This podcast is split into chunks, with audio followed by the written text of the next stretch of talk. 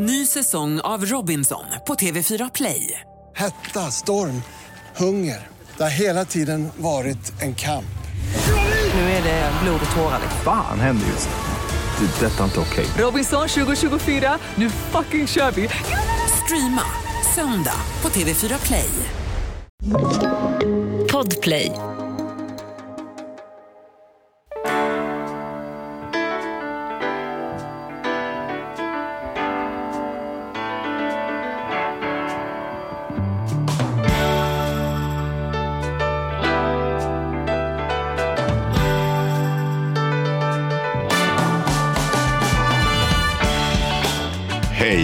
Hjärtligt välkomna till Ekonomi på riktigt med Charlie och Mattias. Lät det som en jingel? Nej, jag tyckte det lät bra. Men du har ju en sån... Det är konstigt att inte du gör mer sådana saker. Du låter ju som om du skulle göra reklam för Kellogg's Frosties. De är great! Så att du liksom sån, har en skön Ja. spikerröst. Jag får ofta höra det faktiskt, att jag har en, en bra speakerröst. Men jag... Mm. Men ja, det har inte kommit så långt så att någon har hört av sig. Nej, det har jag inte. Men eh, jag skulle också gärna vilja läsa in böcker. För att jag läser inte böcker. Och då tänker jag, då skulle jag kunna förena nytta med nöje. Mm. Att jag, att jag både, jag skulle vilja träna på det att läsa. För jag blir, De gångerna, alltså jag läser böcker men jag lyssnar böcker i så fall. Så att de, jag, jag ligger aldrig med en bok i handen. Utan jag, när jag läser böcker så gör jag det ljudmässigt. Och då tycker jag det så, har så stor betydelse. Jag, jag älskar när man har de här vissa inläsare som man verkligen någon har tänkt och det passar. Och man blir alldeles så här Ja, det är liksom mysigt att åka bil. Jag ser framför mig att jag sitter vid ratten och sen så hör man en riktigt Har du någon favoritinläsare? Sådär, Ja, men det, det finns många. Jag tycker Magnus Rosman har läst in en del. Mm. Det tycker jag är jättebra. Tycker också Katarina Evelöv är jättebra. Mm. Ja, men det finns fler eh, såklart. Men, Svårt ibland tycker jag när skådespelare läser in och jag redan har en sån färdig bild av de har Ja. spelat någon, Stefan Sauk till exempel läser in mycket. Jag har svårt för att lyssna på honom för att jag har så mycket färdiga bilder om att jag ser honom när han pratar. Jag vill Ja. inte se honom, jag vill se historien. Liksom. Jag har ju också en, en hel del klienter som, som läser in Mm. sina egna, alltså de som, som skriver böcker. Ja, så läser de in sin, sina Fy. egna ljudböcker. Fy och det där fan. kan ibland bli fantastiskt. Mm. Men ibland när en väldigt, väldigt, liksom, eller väldigt, väldigt, räcker med en, en känd person som är väldigt tydlig i sin röst. Mm.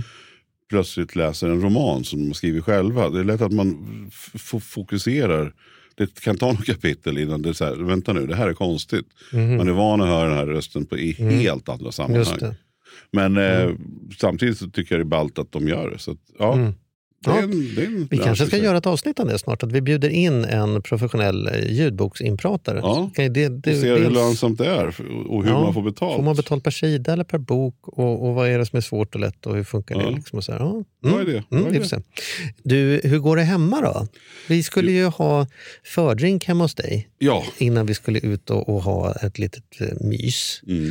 Och sen så sa det kan vi nog kanske inte göra, komma på nu, för jag ska ju renovera badrummet. precis. Jag Ja. hade ju missat den lilla detaljen. Ja, Nej, men jag har ju, min kära fru är extremt engagerad i våran, alltså hon har liksom tagit ansvar för våran, ny- Lägenheten, jag säger fortfarande nya lägenhet, nu har vi bott där ett år. Men, Mm, den har hon tagit lead liksom på. Mm. Hennes grej på något sätt. Hon har tagit lead på den och jag har tagit lead på och det den har blivit så jädra fint med den där böjda liksom, ribbe, ribborna, soffan. Ja, men visst vart den bra? Så, Ja, det ser så fint ut. Ja, men det har varit jättebra. Skön som sån här 30-tals platsbyggd eh, flört.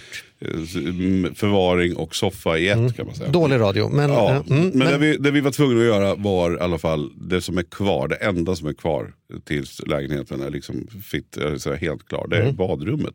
Det är ett ganska litet badrum som vi också, som jag faktiskt ringde in dig Charlie för att Mm. du är rätt fiffig. Måste jag, du har renoverat mycket och Mm. har mycket bra idéer. Så jag ringde in min kära poddkollega för att så här, tyck till här nu. Hur Mm. kan vi använda garderoben för att få en större dusch? Och sen Mm. så hittar vi en lösning på det där.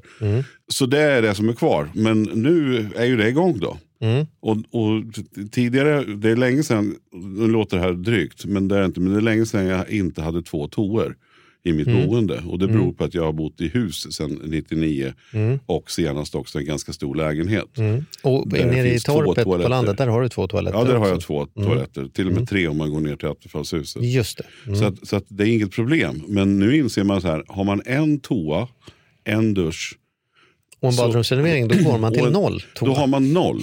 Och det där hade inte jag liksom tänkt på.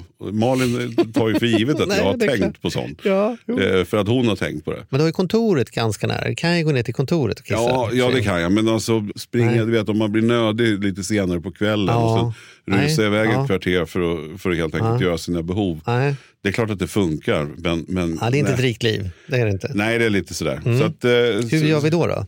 Nej men nu är det så fiffigt så att sonen har en lägenhet. Och det är ju så jädra kul att eh, han har bara för inte alls så länge sedan köpt en lägenhet. Mm. Så nu får jag ju helt enkelt bli inneboende hos sin egen son. Det känns Han får börja betala tillbaka nätter. Ja, han Ja. har ju några nätter. Några innestående får man ändå säga. Du det har ju man låtit honom bo hemma hos dig många nätter. Ja, det är Ja. typ 21 år som jag har låtit honom bo. Just det, att han får väl- 365 gånger 21, det, vad är det, 7000 någonting sånt va? Ja, det känns som att han faktiskt får, får ställa upp och det gör han.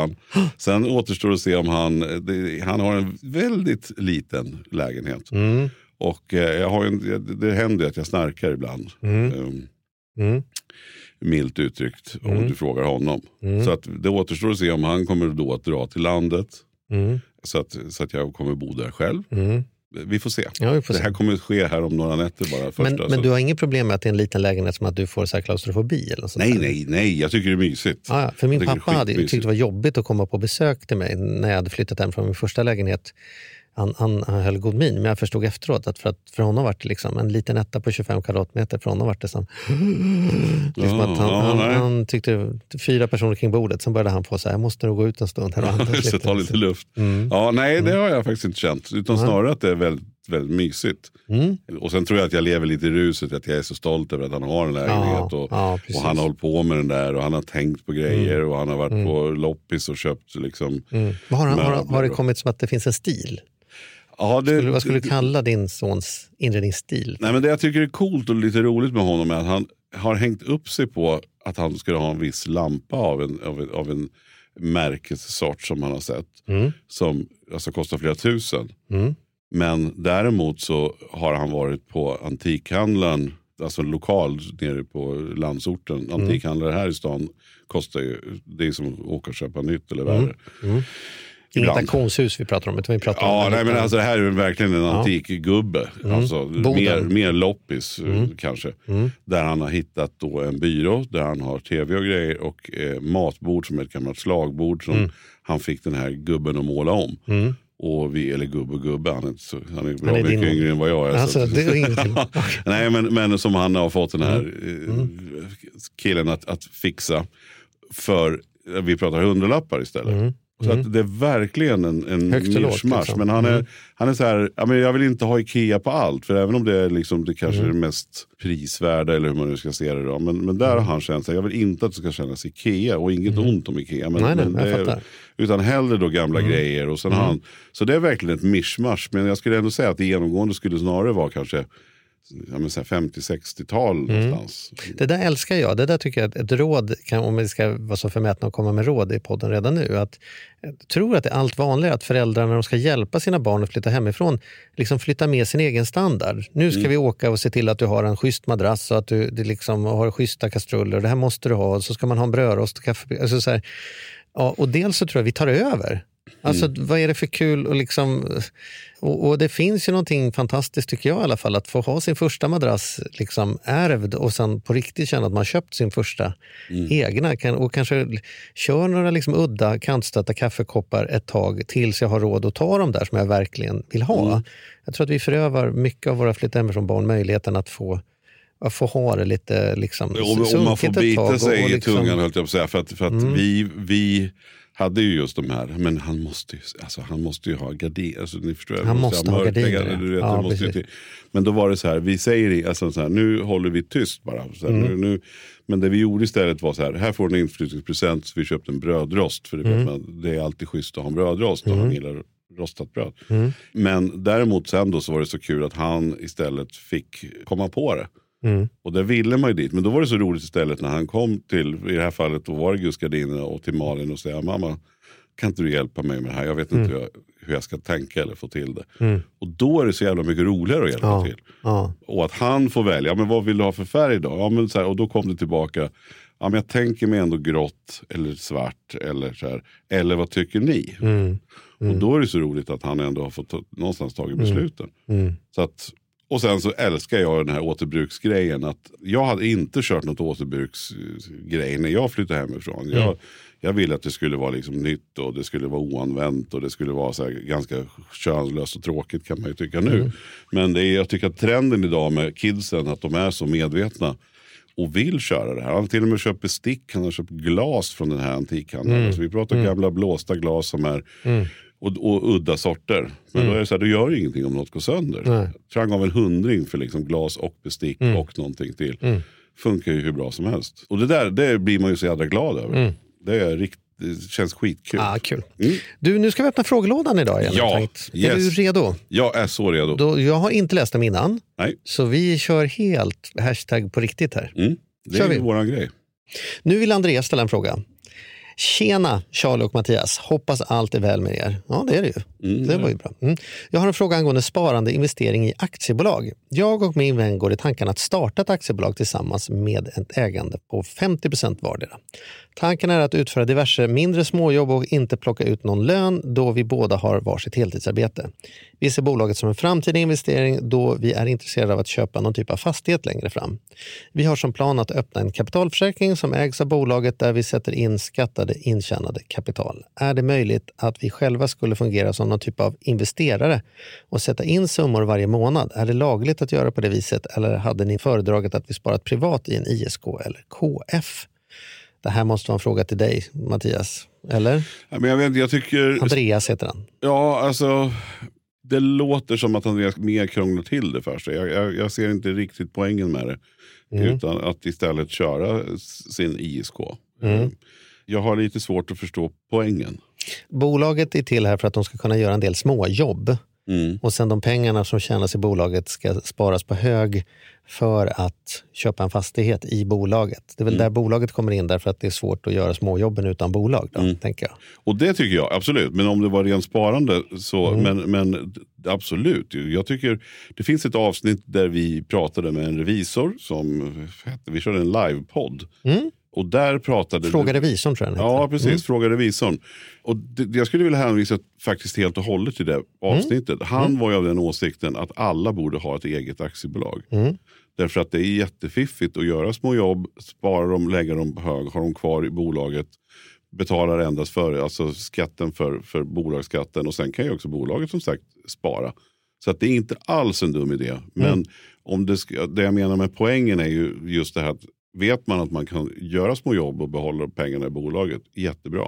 Mm. Men, men jag, jag hänvisar faktiskt till det här avsnittet för det, det, var super, det var väldigt kul att höra. Mm. Det är en väldigt eh, jädra, li, lite udda men jävligt härlig revisor som vi har med där. Ja. Väldigt så här, eh, smart, riktigt Mm. riktigt smart och har verkligen tänkt till. Liksom. Mm. Så att det rekommenderar jag att lyssna på. Ja, kul. Du, ehm, jag har en lång fråga ifrån Ida här. Så jag läser den rakt upp och ner så får vi se vart den är på väg. Jag kunde inte överblicka det utan att läsa. Då gör jag det tillsammans med dig. Så nu blir det på riktigt, på riktigt här. Ja. Ida skriver, hej. En fråga och önskat samtalsämne, ekonomi under renovering. Hur tänker man kring sparande när man står med ständigt blödande plånbok? Att renovera är ju som att blåsa in lönen på kontot men suga ut den på andra sidan med grovdammsugaren. Jag och sambon, 22 respektive 25 år gamla, sitter med en stor sekelskiftesvilla med kraftiga renoveringsbehov. Den är dock beboelig. Vi snackar tak, fasad, badrum, kök. Vi har förmånligt nog inga lån på bostaden men dessa projekt i horisonten kommer vi garanterat behöva dra på oss lån inom de närmsta åren om vi hittills betalat hantverkarjobben ur egen ficka. Vi har åsagt att man ska hålla hårt i sitt eget kapital och känna att trenden släng dina stålar i totalentreprenad och fyra bänkskivor i ditt hus så blir det fint på Instagram och så vidare inte är för oss. Vi har stabil och god ekonomi, heltidsarbetande och sparande men har planer på att studera bredvid nuvarande arbete för att kunna bygga karriären. Och vi vill kunna jonglera sparande och egen utveckling och renovering samtidigt. Men hur gör man? Lägger folk verkligen sin privatekonomi på is under de åren de bygger bo? Eller sparar de parallellt? Står det på bar mark när renoveringen är betald eller lånar man till allt och sparar sin egna surt förvärvade stålar under madrassen? Tänker man att de pengarna man lånar är en investering i huset men att pengarna är låsta till att man säljer? Och säljer man någonsin? Ja, ni hör ju. Vi har många frågor för en 22-åring med stora planer. Vore kul om ni ville ta upp ämnet och diskutera strategin som egentligen är bäst ur en lönsamhetssynpunkt. Där Mm. du! Ska du eller jag börja? Här börjar du. Jag är alldeles muntorr efter att ha läst den där frågan. Ja, jag känner ju så här att det är en fantastisk situation som, som de sitter i. Att, att ha en, en villa utan lån så ser jag att det är en, en otroligt god investering att renovera. Och jag håller helt enkelt med om att det behöver inte vara en renovering för Instagram. Utan det handlar väl om att lägga pengar på det som är det viktiga med ett hus. Det vill säga att se till att man har ett bra ytskikt. Det är inte de där flashiga bänkskivorna. För det, det kan man göra sen om man tycker att man vill om man har planer på att sälja eller sådär. Men däremot att, att, att det är som en grovdammsugare, det är kul, för det är påtagligen så det är. När, man ska lägga, det går ju att lägga hur mycket pengar som helst på inredning och renovering. Utan jag tycker att man, det handlar om att det här, dels vad vill jag ha för stil? Det låter som att de inte är ute efter bara ljust och fräscht och flashigt för, för Hemnet eller Instagram. Och då tycker jag att, att ta det lugnt med den inredningsdelen som faktiskt inte är nödvändig. Utan lägg pengar på stommar, golv, ytskikt, tak. Så att, så att liksom är, för då tycker jag att det är väl investerade pengar. Det är väldigt sällan en fastighet inte hänger med i ekonomin och, och liksom växer med den. Så att, Men skulle du låna pengar till att göra detta för att komma i mål tidigare eller skulle du ta det i takt med sparandet eller skulle du spara parallellt med att du lånar? Eller liksom... Ja, men det är jättesvårt när man är 22 tycker jag. Så jag skulle avvakta för det är så mycket som, som kan komma att hända. De vill ju också plugga parallellt. Så jag, jag tycker inte att man behöver. Man måste se till att det finns som jag säger ett, ett bra ett, ett underhåll av huset så att man sköter det. Och, och har man inte pengar för att göra den grejen då, då skulle jag låna för att göra det viktigaste. Men sen skulle jag hellre se det här som ett pågående projekt. Och investera allt eftersom man har råd att göra det. Och de har ju också, båda har ju, har ju fast inkomst. Och de funderar ju att plugga vid sidan. Så att jag tror att det är ett, bra sätt att lägga pengar på. Men sen tycker jag precis som alla andra, man ska inte lägga alla ägg i samma korg. Klassiskt som vi alltid brukar säga. Det vill säga plöj inte alla sparpengar på huset. Utan se till att och kör lite aktieindexfond. Spara lite grann parallellt. Så att man inte lägger. Sen beror det på, det är svårt att svara på för vi vet inte hur mycket de tjänar heller. Nej. Men, men generellt sett så skulle jag säga att, att bra, jag tycker det är en bra investering att ta hand om, om sin fastighet. Men glöm inte den andra formen också. Nej, precis, och här har man ju köpt sig ett renoveringsobjekt låter det som. Allt behöver fixas, allt behöver ordnas och det är ett sekelskifte. Så, så det, sånt har jag ju provat och det är ju om man tycker sånt är kul och det får vi väl anta att de gör det, så är det som en dröm. Det är ju fantastiskt men man måste också förstå att man kommer aldrig bli klar. Och det som är varningstecknet här möjligen då, som jag tänker, det är att de är 22 och 25 och då har ju livet en tendens att utvecklas och förändras och det är andra saker. Så att det är väldigt svårt att sälja ett renoveringsobjekt mitt i renoveringen. Så ska jag ge några råd i det så skulle jag tänka, tänk kanske, och det hoppas jag att de redan gör, i faser. Vi gör det här och sen gör vi klart det. Och sen gör vi det här och gör klart det. Och då är det ju ibland så att det till och med är billigare att låna en del för att göra en upphandling som gör att nu gör vi klart det här och sen så betala tillbaka det och sen så ta en ny del istället för att det står pågår och det är lite halvläckande grejer på, på liksom 16 grejer samtidigt. De ska ändå bo i det här huset samtidigt som det pågår. Så, så tänker jag. Och också då som du säger, sätta undan en del i sparande och om det så ska krävas lånas därför att rätt vad det är kan det behövas en buffert för att det händer något oförutsett. Rätt vad det är så blir det något med bygget som inte går som du vill och då vill man inte att allt ska stanna av för att man plötsligt har slut på likviditet eller att någon blir sjuk eller att det händer någonting annat. Jag skulle säga att det är lite som att skaffa sig ett sekelskiftesrenoveringsobjekt när man är 22. Det är lite som att skaffa barn när man är 22. Det är en stor kostnad som dyker upp som man inte bara kan säga faktiskt nu drar jag liksom, utan det här behöver vårdas och tas hand om. Sen verkar de ju ha en bra förutsättning då att de inte har lån. Annars kanske det hade sett lite annorlunda ut och då bör man verkligen vara ännu mer försiktig. Men, men eh, jag tycker att man, man absolut ska, lägga en del av sitt sparande i att investera i huset. Säga. Men jag tror också det är jätteviktigt som du säger att man tar del för del. Att man inte börjar lite här och lite där så blir ingenting klart. Det är mycket bättre att ska vi göra det här badrummet så då gör vi badrummet och gör det korrekt. Sen är det så här, det är inte den dyraste plattan som avgör utan det är underarbetet som faktiskt kommer att betyda någonting. Och det där går ju liksom att hålla på med absurd. Å ena sidan vill man inte snåla, för man vill inte sitta och titta sen och känna att jag vill nog renovera en gång till för det där vart inte som jag hade tänkt mig. Men å andra sidan är det så lätt när man väl håller på och snöar in på. Man börjar titta på en kökskran liksom på Ikea och sen slutar man med en kökskran som kostar 30 000 för att det var en liten annan finish på den som stämmer lite bättre med gångjärnen. Och så, så sitter man efteråt och tänker det var ju ingen sån jävel som jämför gångjärnen med Nej. kökskranen. Liksom. Så det, Nej, verkligen. Och sen tycker jag också just ett, ett sånt sekelskifteshus som alla vet om då är över hundra år. Så, så, så tror jag att man, att man har dokumenterat det man har gjort noga. För att ska någon köpa ett sånt hus, det, Mm. Är de inga, det är inga snabba business som att Mm. köpa en trea på Östermalm där man bara blåser ut oavsett Mm. om det är sprillans nytt kakel eller inte. Jag tror det är jätteviktigt att man, man verkligen ser till att man dokumenterar och allt man gör gör man ordentligt. Mm. Och gör hellre då som sagt dela upp det här i, likt man skriver en bok, dela upp det i kapitel. Liksom, Mm. Att ta en sak i taget. Sen vill vi så ett slag då, då för, men det hoppas vi att, att de här personerna, om de är 22-25 tror jag de redan har tänkt på det. Återbruksmarknader, block, alltså leta efter eh, nya saker som ligger kvar i kartong för det var felköp så du kan få åtminstone 30-40% billigare och gamla saker som kan återanvändas. En gammal panel, en gammal diskbänk, en gammal någonting som är kanske till och med från den åldern som, som huset är ifrån. Istället Och för det att köpa... finns massor. Ja, det och, finns och, verkligen. Ja, precis. Tradera kan jag slå slag för också. Ja. Därför att det är också så sorgligt att det rivs väldigt mycket Mm. sekelskifteshus runt om i Sverige. För nya byggprojekt. Vi har Mm. alldeles för lite bostäder så att det, det rivs och, och eh, kastas enormt Mm. mycket. Och där finns det väldigt mycket. Du kan köpa kakelugnar som är nedplockade och du kan Mm. hitta vad som helst, någon gammal järnspis om man nu vill ha det. Vill man inte ha det, ja, då finns det andra. Alltså, det finns så mycket att göra och då tror jag just på det här, det här ytliga som Instagram-kontot, det är inte det viktiga. För att ni kanske ska sälja eller inte sälja, men då kommer ändå ägarna ha en idé om hur de vill göra. Kan ni däremot visa att det ni har gjort har ni gjort ordentligt från grunden, inte fuskat någonting, så kommer det vara värt något. Ja, hoppas att svaret hjälpte till. Det var ju väldigt många frågor. Jag hoppas att några av svaren ändå hängde på.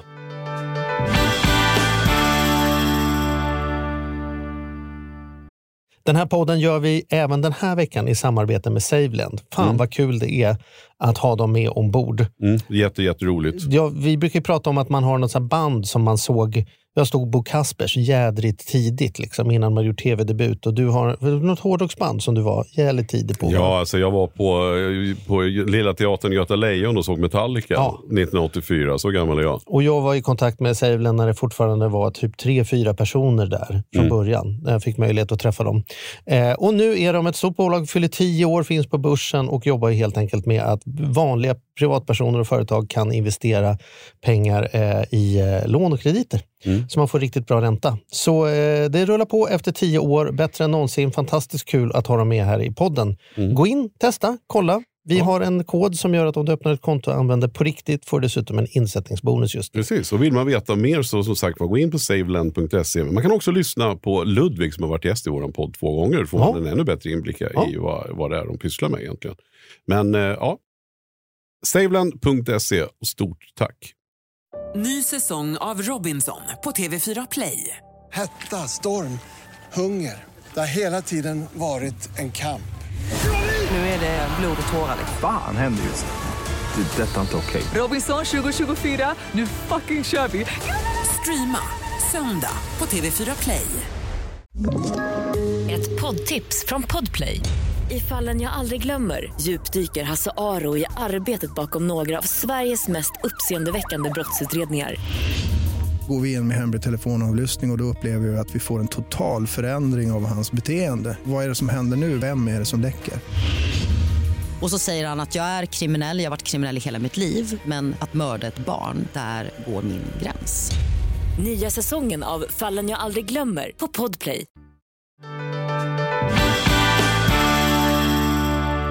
Ny fråga. Shoot! Hej på er! Jag har en liten annorlunda fråga, men som jag inte tror att jag är ensam om. Redan här är spännande. Ja. Jag tycker pengar är roligt. Jag har lyssnat på er podd länge och följer nyheter och intresserar mig för ekonomi i allmänhet. Men jag har ett problem. Det är mer och mer spännande. Ja, man va? nu jag har insett att jag saknar respekt för pengar. Jag har inga problem med att spendera pengar och tycker att pengar idag är betydligt mindre värda än pengar imorgon.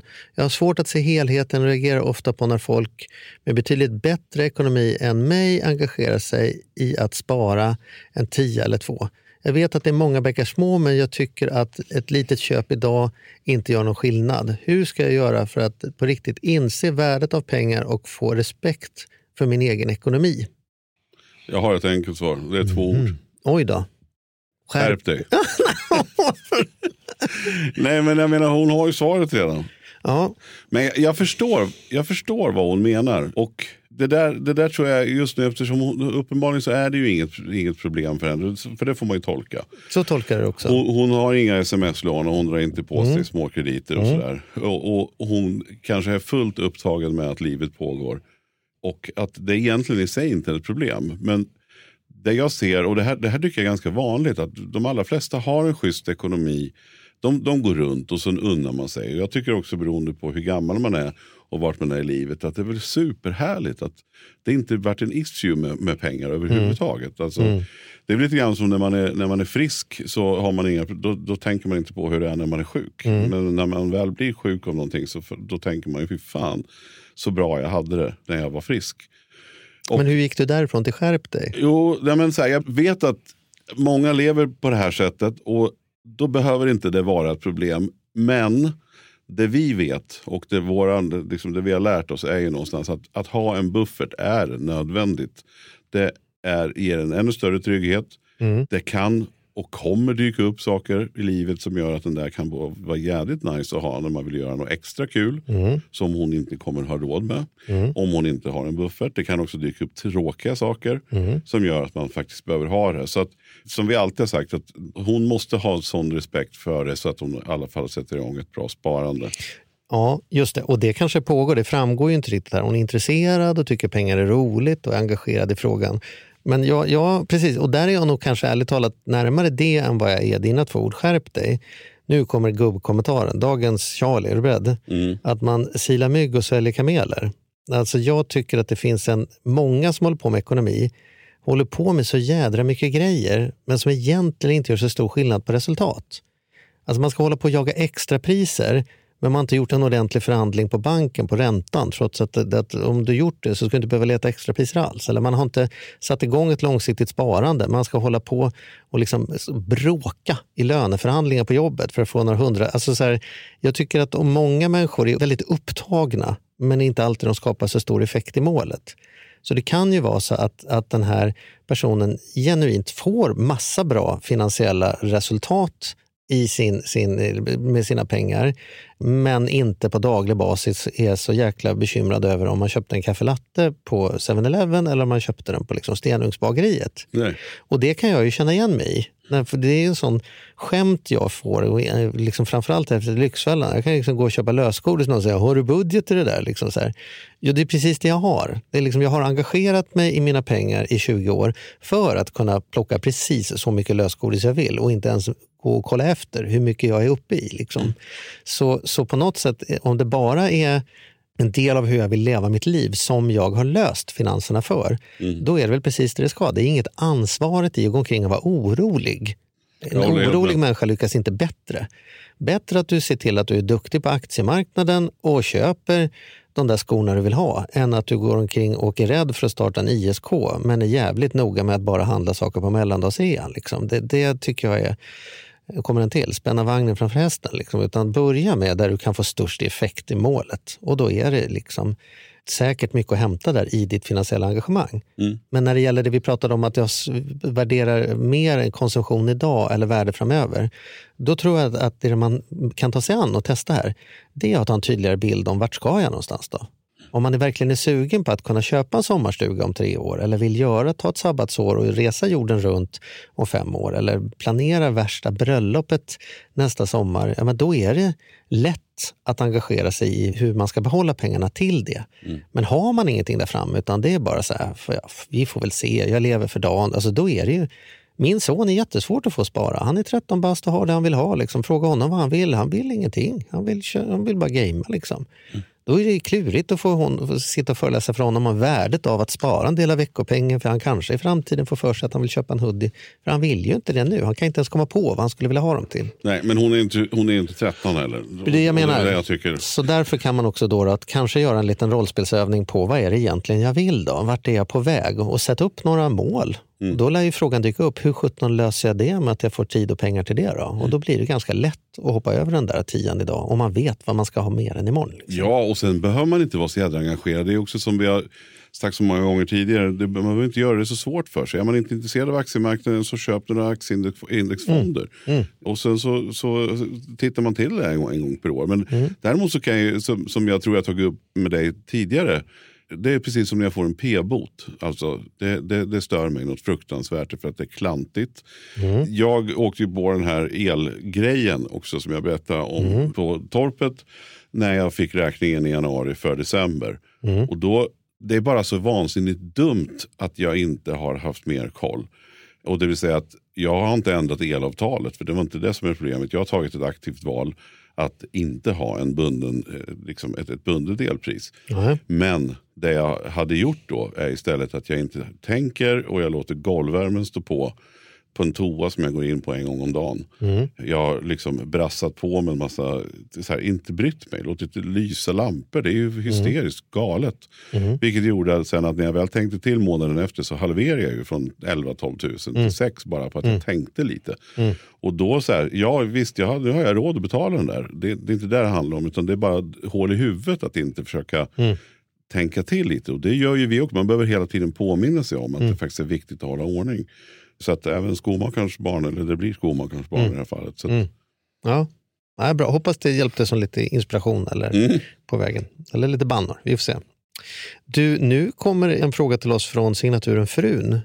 Trevligt. undrar man om det är min fru eller din fru. Nej, det är faktiskt framgår i, lite längre fram. Så Att det inte är någon av våra fruar. Nej, du ska få höra. Hej Kul. Charlie och Mattias, tack för en bra podd. Jag har en fundering som jag gärna hör era tankar kring. För snart tio år sedan träffade jag en kille, antagligen killen som hon är fru till, då, som var i slutskedet av att bygga sitt eget hus. Efter fyra år flyttade jag in hos honom och nu är vi lyckligt gifta och har barn. För mig var det viktigt att skriva äktenskapsförord för hans hus måste förbli hans. Det är ändå han som tagit den ekonomiska risken och gjort största arbetet med huset. I dagsläget betalar jag en symbolisk summa för att bo där och jag har väl egentligen aldrig haft tankar på att köpa in mig på halva huset. Det har jag inga pengar till.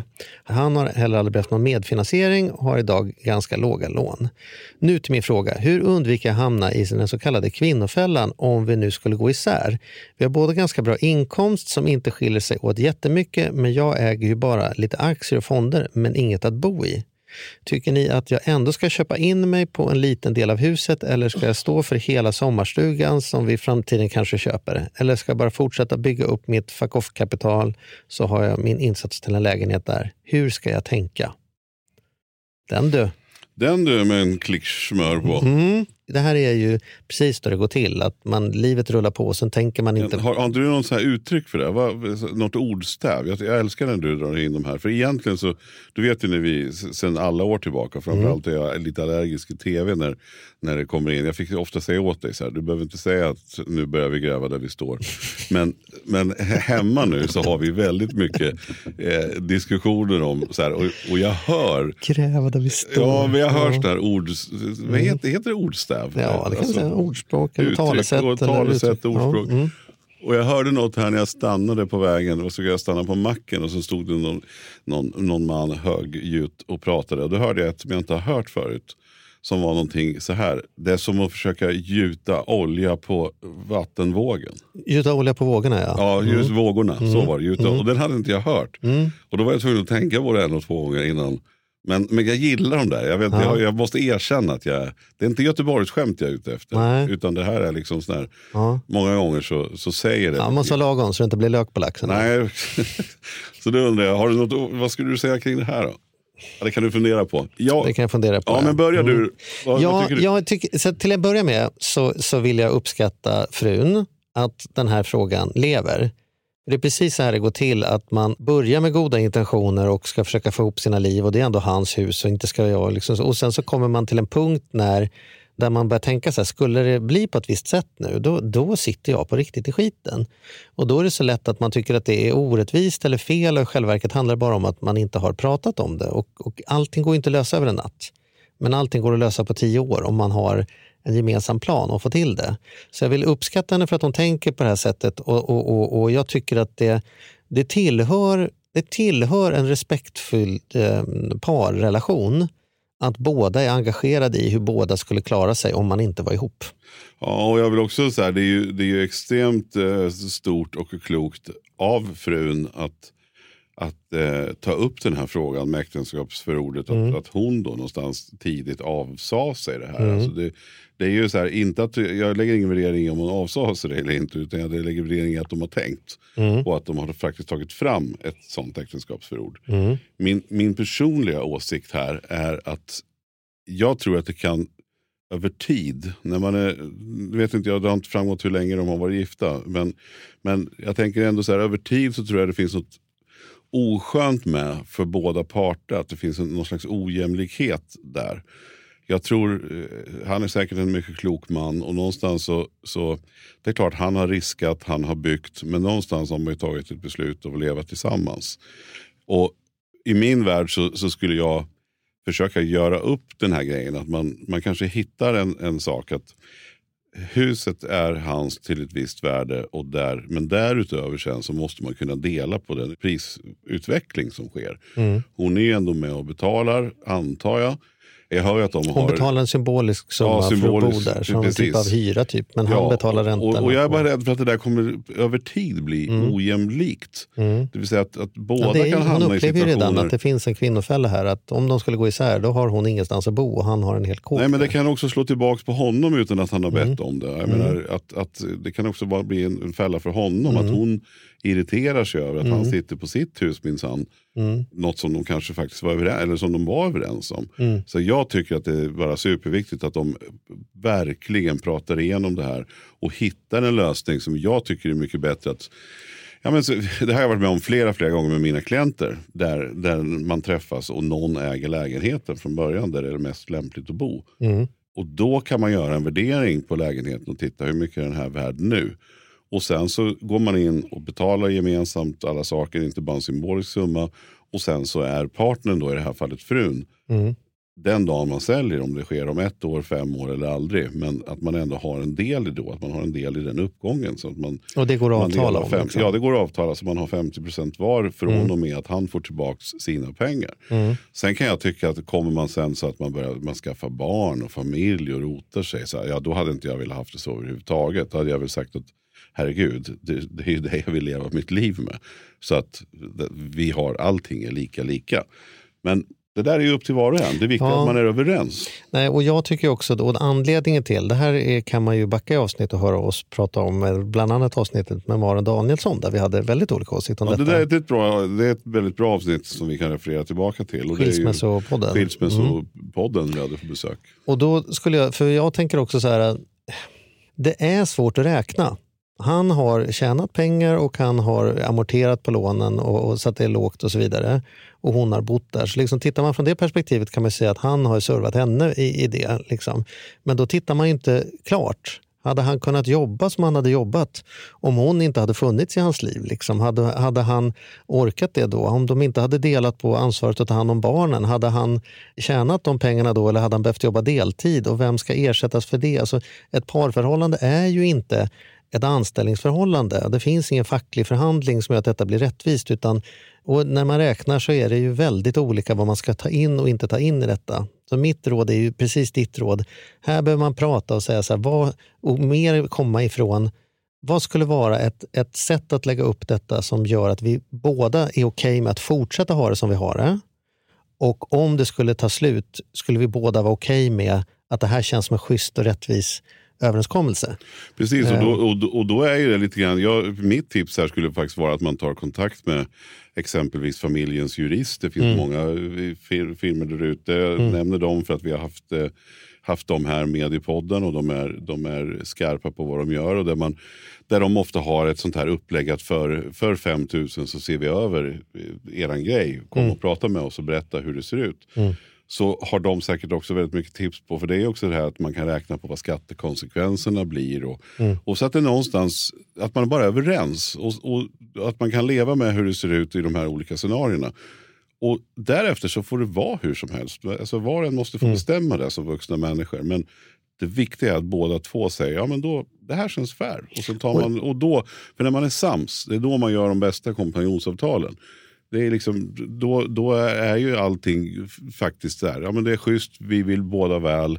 Och det hörs ju här att, att de vill ju båda varandra väl.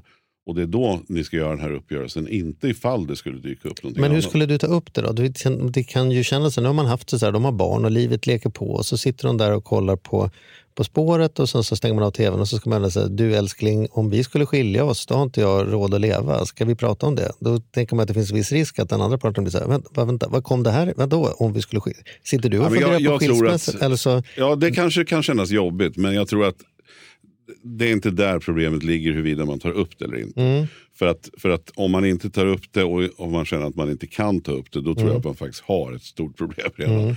Utan det får man faktiskt, liksom, ska komma ett uttryck här, då får man ta tjuren i hornen. mm, vid hornen. Vid hornen. Men tack för att du är med och spelar. Ja, eh, då, Mm. då faktiskt. Och, och sen bör, om man tar det efter spår, eller på spåret, Mm. efter På spåret. Eller om man tar det en, en måndag Mm. middag. Spelar ingen roll. Jag tycker att man måste lyfta frågan och säga att jag vill att det ska kännas bra för oss båda. Mm. Och för mig känns det bra nu. Men jag har gått och tänkt. Och tänkt på olika, konst- olika, liksom olika grejer som skulle kunna hända. Och därför skulle jag vilja att vi har ett schysst och, och rakt samtal om det här. Så jag är övertygad om att det funkar. Det här är det vi kallar för att stresstesta sin ekonomi. Och där kan man ju liksom tre- stresstesta båda parters och även barnens. Och liksom, vad händer om det blir si och vad händer om så. Mm. Där ska också, jag vet inte om du sa något annat än det jag nu säger, men jag provar ändå. Jag tror inte man ska heller börja med en jurist, eller så här, man kan inte överlåta frågan till en jurist, för jurister är experter på att se till att vad man bestämmer faktiskt går att genomföra. Men det är inte de som alltid kan komma och förklara vad som är rätt lösning. Det brukar vara väldigt dyrt om man ska ha jurister till att till att förhandla åt en. Så det är bättre att Ja, man, och man måste jag. komma lite överens. Vad är det vi vill uppnå först? och sen kan man be dem frågan om men, hur. Ja, men det balla är ju med just den typen av jurist som jobbar med familjeekonomier. Att de har sett De har sett så mycket och då kan de också ha tips som man faktiskt inte själv har tänkt på. Mm. Eh, Ja visst ja, alltså, vi gjorde något sånt där, alltså bara en sån här grej med att om det skulle hända mig något och Hugo har träffat en tjej och gift sig så kan hon ärva mig. Alltså, det finns så mycket sånt här som man nästan måste vara, vara jurist på just det här området för att förstå. Det är inte lätt med arvs, arvsrätter och, och lagar och sådär. Och då tror jag att man kan få väldigt mycket bra faktiskt tips. Så här gjorde det här paret. Ah, det skulle funka för oss. Mm. De har ju erfarenheten, men jag tycker självklart så behöver man ha pratat igenom och vara hyfsat överens i grunden. Ja, men alltså, juristgenomgången är nog bra även för den lösningar. som inte vet att man har ett Ja, problem. ja. Och att gå till en, till en familjejurist betyder ju inte att man har något som helst problem. Nej. Tvärtom, man vill en, en gång för alla. Och då kan man också prata om barnen. Finns det någonting vi ska göra för att säkra våra barn framöver? Är det bra att vi har skrivit någonting? Exakt det där mötet har vi ju haft hos Ja. en jurist och det Precis. var inte ut, kom ifrån att det var någon kris utan tvärtom utifrån att vi Ännu en sak som är skönt, precis som att man vill gå och liksom få tänderna kollade med jämna mellanrum och veta att det inte är något problem med ryggen så vill man kolla på juridiken. Och vi har ju hört skräckhistorier om bara sådana saker man aldrig skulle komma på. Som att en man som dör, och, men han har en livförsäkring så att det liksom finns pengar som tar hand om Problemet är bara att han tar hand om familjen, att ta hand om hans förr, förr, förra flickvän som han var ihop med för tre arbetsplatser sen. För att det- hon Precis. råkade skriva in hennes namn på papperna och sen är det ingen som har tänkt på det. Ingen som har ringt försäkringsbolaget och ändrat det. Liksom. Det är bara att säga, det är lugnt gumman, jag har en livförsäkring. Ja, men det stod inte på mig. Det stod på någon annan donna som du inte har träffat på 15 år. Liksom.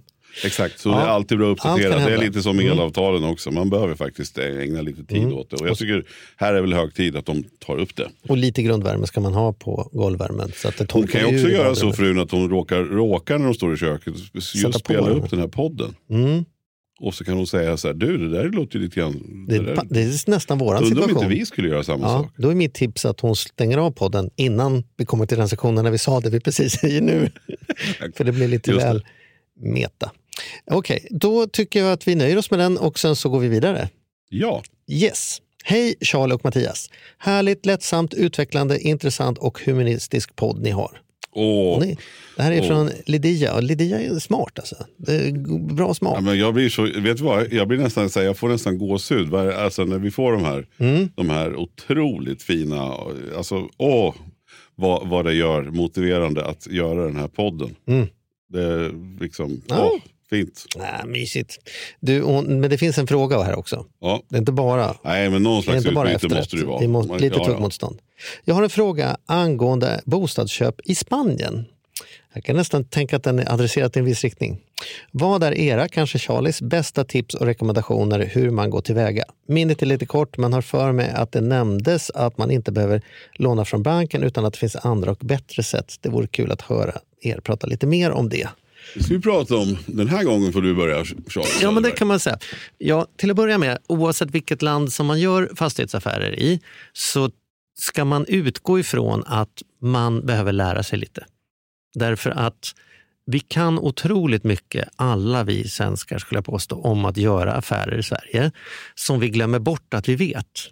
Alltså man vet hur det funkar, att det är mäklarannonser så och sen så skriver man avtal och sen är det tillträde och grejer. Och det, det, där liksom, eh, vi kan olika mycket men vi har ändå någon grundkänsla för i, i hur det svenska systemet fungerar. Verkligen. Och om vi inte förstår det, att vi har det, så är det lätt att missa att det funkar inte så i andra länder.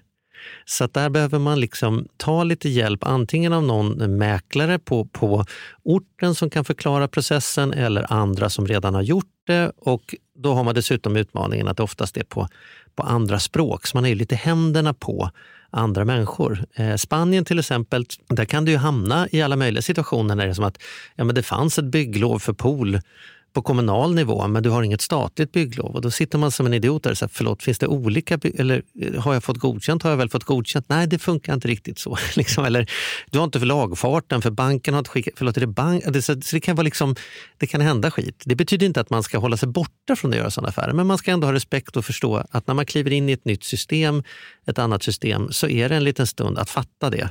Så man ska inte bara rusa ner på en sista minuten eller på en sån här obehaglig, du får åka gratis mot att vi visar runt dig. Och så skriver man på papper och så kommer man tillbaka och har köpt fyra andelslägenheter i Turkiet och sen har man egentligen ingen aning om vad man har ingått för avtal. Så naiv får man inte vara. Så första rådet här är läs på lite grann. Sen så kommer frågan om, om finansiering och då är, har man ju liksom ett val här om man ska låna i Sverige hos sin svenska bank för att eh, köpa ett boende i Spanien eller om man ska göra med en spansk bank. Och Då finns det förstås för och nackdelar, men det är också en del av den här Men processen. jag vill påstå också, nu får du rätta mig om jag har fel Charlie, men, men alltså jag vill ju påstå att det i princip, eller nästan aldrig går att låna på en svensk bank på en fastighet i Spanien exempelvis. Ja, som, här ska inte jag killgissa, jag vet faktiskt inte riktigt. Jag vet Nej. inte. Jag råkar ju ha en annan situation eftersom jag har gått från helt andra hållet. Det är liksom anledningen till att jag inte sitter mellan svaren är att jag har aldrig köpt någonting i Spanien därför att jag har startat ett spanskt bolag och det spanska bolaget köper saker i Spanien. Så jag har ett spanskt jag har ett spanskt personnummer som äger ett bolag som har ett spanskt organisationsnummer som går under spansk lag och gör affärer i Spanien. Jag har en spansk bank med en spansk jurist och en spansk... Liksom. Ja precis, Så- och då har jag- du ingen svensk bank. Nej, Därför att jag har inte- nej, banker precis. generellt sett kan inte låna ut pengar utan säkerhet som man vet. Det är dels betalningsförmåga och det är en säkerhet som en bank måste ha. Mm. Och betalningsförmågan har ju många, men det är just den här säkerheten. Och då vill jag påstå att det i princip inte är så att en svensk bank kan använda en utländsk fastighet som... Och som jag har för mig att många av de svenska storbankerna har kontor och eh, avtal och Ja, men vad samarbeten bra, men är det inte lite kul att vi och inte är helt Nej, det här säkra här? Så inte där tycker jag är stenkoll. lite så här, Mm. det här får ni gärna tycka till om och ni får Mm. gärna motbevisa mig då. För jag påstår att det är i princip så att bankerna inte kan låna ut i fastigheter utomlands. Sen kan det ju vara så att det, om, de, om banken vet om det, om det står på gränsen eller att det kan finnas en fördel, en trovärdighet. Men regler är regler och då kan det vara så att man har säkerhet på ett annat sätt. Man kan ju Mm. ta, liksom belåna en svensk fastighet. Låna övervärdet du har i villan för att köpa en, en liten lägenhet i Spanien på den pengarna du får ut Precis, där. men det jag tycker är kul, det här, det är, jag, jag gillar den här för den här är en sån här stängning som, som, som jag tror du sa en gång när vi spelade in tv. Då, då sa du så här, ska man köpa ett hus i Spanien så ska man inte gå till svenska bankmannen. Det är mycket bättre att prata med de som har köpt ett hus i Spanien. Ja. Och det är väl det här som jag tycker är det viktiga som du säger som ingår i läs på. Mm. Att dra verkligen, tänk till nu. Vilka är det som ni känner till som har faktiskt köpt ett hus i Spanien? Finns det någon, känner vi någon spanjor? Känner vi, har vi någon koppling dit? På vilket sätt ska man göra? För att det är så olika regler i olika länder. Och det man kan göra är också att vi körde en annan livepodd på en mässa. Där, Köpa boende utomlandsmässan. Precis, helt enkelt så. Att Det finns faktiskt. Och det finns ju då, för olika länder så finns det olika representationer. Som går att hitta på nätet. Det finns de som säger köp hus i Portugal, köp hus i Spanien, köp i Italien. Och det är de forumen man ska gå till och börja fiska i och ta reda på hur det faktiskt ser ut. Ja, och här skulle jag också ge några råd. Ett tips är, eh, det finns en jättebra tjänst som heter Facebook. Om man inte känner till den. Där kan man gå in och så kan man skriva svenskar boende i Spanien så kommer du få upp 62 grupper som du kan gå med i. Där med svenskar som bor i Spanien pratar om vilka larver som är giftiga för hundarna att äta och vad, om det verkar bli snöstorm eller inte. Alltså så här, och där kan du hitta hundra sådana frågor. dag. Ja, precis. Hundra sådana frågor. Och du kan, där kan du absolut be om och så här, vilka här har köpt bostad och skulle vara beredda att ge mig tio minuter i en privattråd här bara och, och ge mig några tips, dos and don'ts. Då gäller det bara att plocka ihop dem så man inte tar en snubbe anekdotiskt och bara utgår ifrån att han vet allt och så gör man på det sättet. Utan man kan samla in en del. Sen ska man också veta att mäklandet i Sverige funkar ju på det sättet att man ska vara en representant mellan, liksom en länk mellan köpare och säljare. Men i realiteten skulle jag påstå att man i huvudsak jobbar åt säljaren. Man är, liksom, man är avlönad av säljaren och man jobbar åt säljaren och man ska ha liksom maximalt pris från säljaren. I många andra länder, inklusive Spanien, är det ju så att det inte funkar på det sättet riktigt. Utan du kan gå till en mäklare och säga, skulle du kunna hjälpa mig att eh, ta fram fem tvårumslägenheter i, i Barcelonas östra delar. Så om jag kan få se. Och då ringer han runt eller letar på nätet och hittar det från alla möjliga mäklare. Det är inte som att han bara visar sina egna, utan alla visar alla. Så den som till slut hittar kunden får betalt. Så det är mer en fråga om att provisionen går till den som hittar kunden än att provisionen går till den som hade lägenheten. Och Det gör ju också att man kan få mycket köphjälp på ett annat sätt i Spanien från mäklare än vad man kan få till exempel om du går in på ett svenskt mäklarkontor och säger jag skulle vilja köpa en lägenhet på Kungsholmen. Då lär du bara få ut tre prospekt på de de har och de kommer försöka sälja dem så dyrt det bara går. Exakt, och det, precis, det där är en viktig skillnad. Och så är det faktiskt, där är det mer Sverige vill jag påstå. Ja, där är vi unika. ganska unika. Ja, Mm. precis. Att det faktiskt eh, är så. Sen, sen med risk för att få halva, vi har ju haft mäklarsamfundet på oss förut som tycker vi På, på oss var väl åt dig. Men Ja, de har ju varit där som gäster inte sedan dess. delar men- våra eller Nej. allas åsikter. Men, men i vilket fall så finns det ju svenska mäklare som är specialiserade på vissa ut, alltså länder Mm. utomlands. Och då, då tror jag, också kul att sitta och killgissa, men Mm. då tror jag att de gör säkert ett jättebra jobb och du kan nog känna dig trygg och du kan nog bli väldigt väl informerad hur det här systemet och sånt här funkar. Absolut, men kom ihåg att någonstans så betalar du för det också. Ja. Ja. Och, och det ska man nog ha klart för sig, eller man ska ha det klart för sig. att Ibland när saker låter att vara för bra för att vara sanna så är de ofta det. Och det slutar med att du får betala för det. Och, och där, där eh, så tycker jag att det här kan man ju göra saker genom att man läser på. Och slippa en mellanhand som, som sannolikt har bra betalt. Att, Men för vissa kan det vara värt det. Och då, ja, det är liksom, Själv har jag en bok hemma som heter Att flytta till och bo i Spanien. eller någonting sånt. Så det går också att gå till biblioteket och bara här, läsa på. De som har gjort. jag har en som heter Att bo på landet. Att bo på landet. Det räcker. Jaha. Mm. Inte vilket land. Landet. Tack på landet. Ja. Ja, men här, här är återigen rådet. Det här är en stor affär att göra och då bör man också låta det ta lite tid och klura lite på hur det här ska gå till. Åk gärna ner och titta lite grann. Jag tror att det ofta är så. Varför ska du flytta till Spanien? Jo, därför att du har hört att det låter trevligt. Du får upp en bild av det. Men så kan du jämföra det med Portugal, du kan jämföra med Italien, kan jämföra det med, med liksom alla möjliga saker. Så låt det ta lite tid. Ja, och, att- och häng inte upp dig på att det kan vara administrativt tufft. Se, se glädjen, fundera på vart du Mm. Ja. vill titta på. Är det rimligt långt med flyg Mm. i fyra timmar eller vill jag åka tre timmar? Vill jag se bergen eller Mm. vill jag se stranden? Alltså mer kanske den. Sen kommer det andra lösa sig så länge du är påläst. Jag skulle kunna tänka mig att man tittar på en lägenhet man är sugen på. Kan man faktiskt säga, kan vi få åka ner och bo i den här lägenheten en vecka? Och bara provbo. Vi betalar en schysst hyra. Vi hyr den av dig en vecka.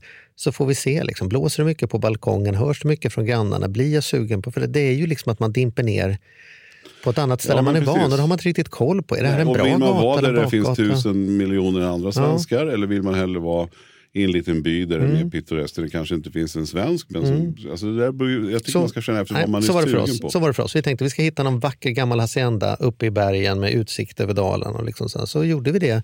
Och, och när vi började titta och tog vår tid så konstaterade vi att herregud, hur ska Primus kunna ens åka till en kompis? Det är liksom grusväg, serpentin, man mår illa bara att ta sig upp och ner. Ska han åka moppe då, 13 år gammal, liksom, två mil moppe för att ens träffa någon annan? Och då är rättigheter i vattenledningarna som att man inte kan vattna tomater. Alltså, nej, det här, det här var inte riktigt vad vi hade tänkt. Va? Så var inte, var inte för snabb på land, var inte för snabb på ort, var inte för snabb på läge. Utan gör det till ett femårsprojekt. Att, eh, vi har provbor, två olika boenden varje år. Ett på våren, en i hösten, en vecka. Och så känner jag av och säger att det här är nog precis det som är rätt Det för mig. Liksom. grejen, ja. Mm. Det är väl våra bästa råd på detta. Fantastiskt. Och vi vill säga tack så mycket för att ni har lyssnat. Och tack för att ni skickar in frågor. Det, det är så roligt tycker vi. Och eh, som ni märker, jag tycker också det är häftigt när inte vi har riktigt svar på alla frågor. För att det är ju så här, det, det, ibland får man ta reda på dem, ibland finns inte svaren. Och eh, ja, man kommer från olika delar. Så det, ja, jag tycker det är skitkul. Ni får se den här podden som ett diskussionsunderlag, inte Ja. som en faktaruta. Nej, för, för det, det finns många sanningar där ute faktiskt. Så enkelt är det. Hörs om en vecka, den saken är klar. Vink, vink.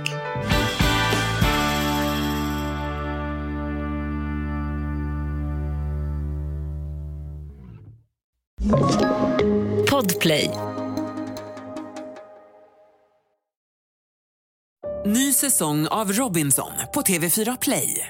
Hetta, storm, hunger. Det har hela tiden varit en kamp. Nu är det blod och tårar. Fan händer just nu. Det. är Detta är inte okej. Robinson 2024, nu fucking kör vi! Streama söndag på TV4 Play.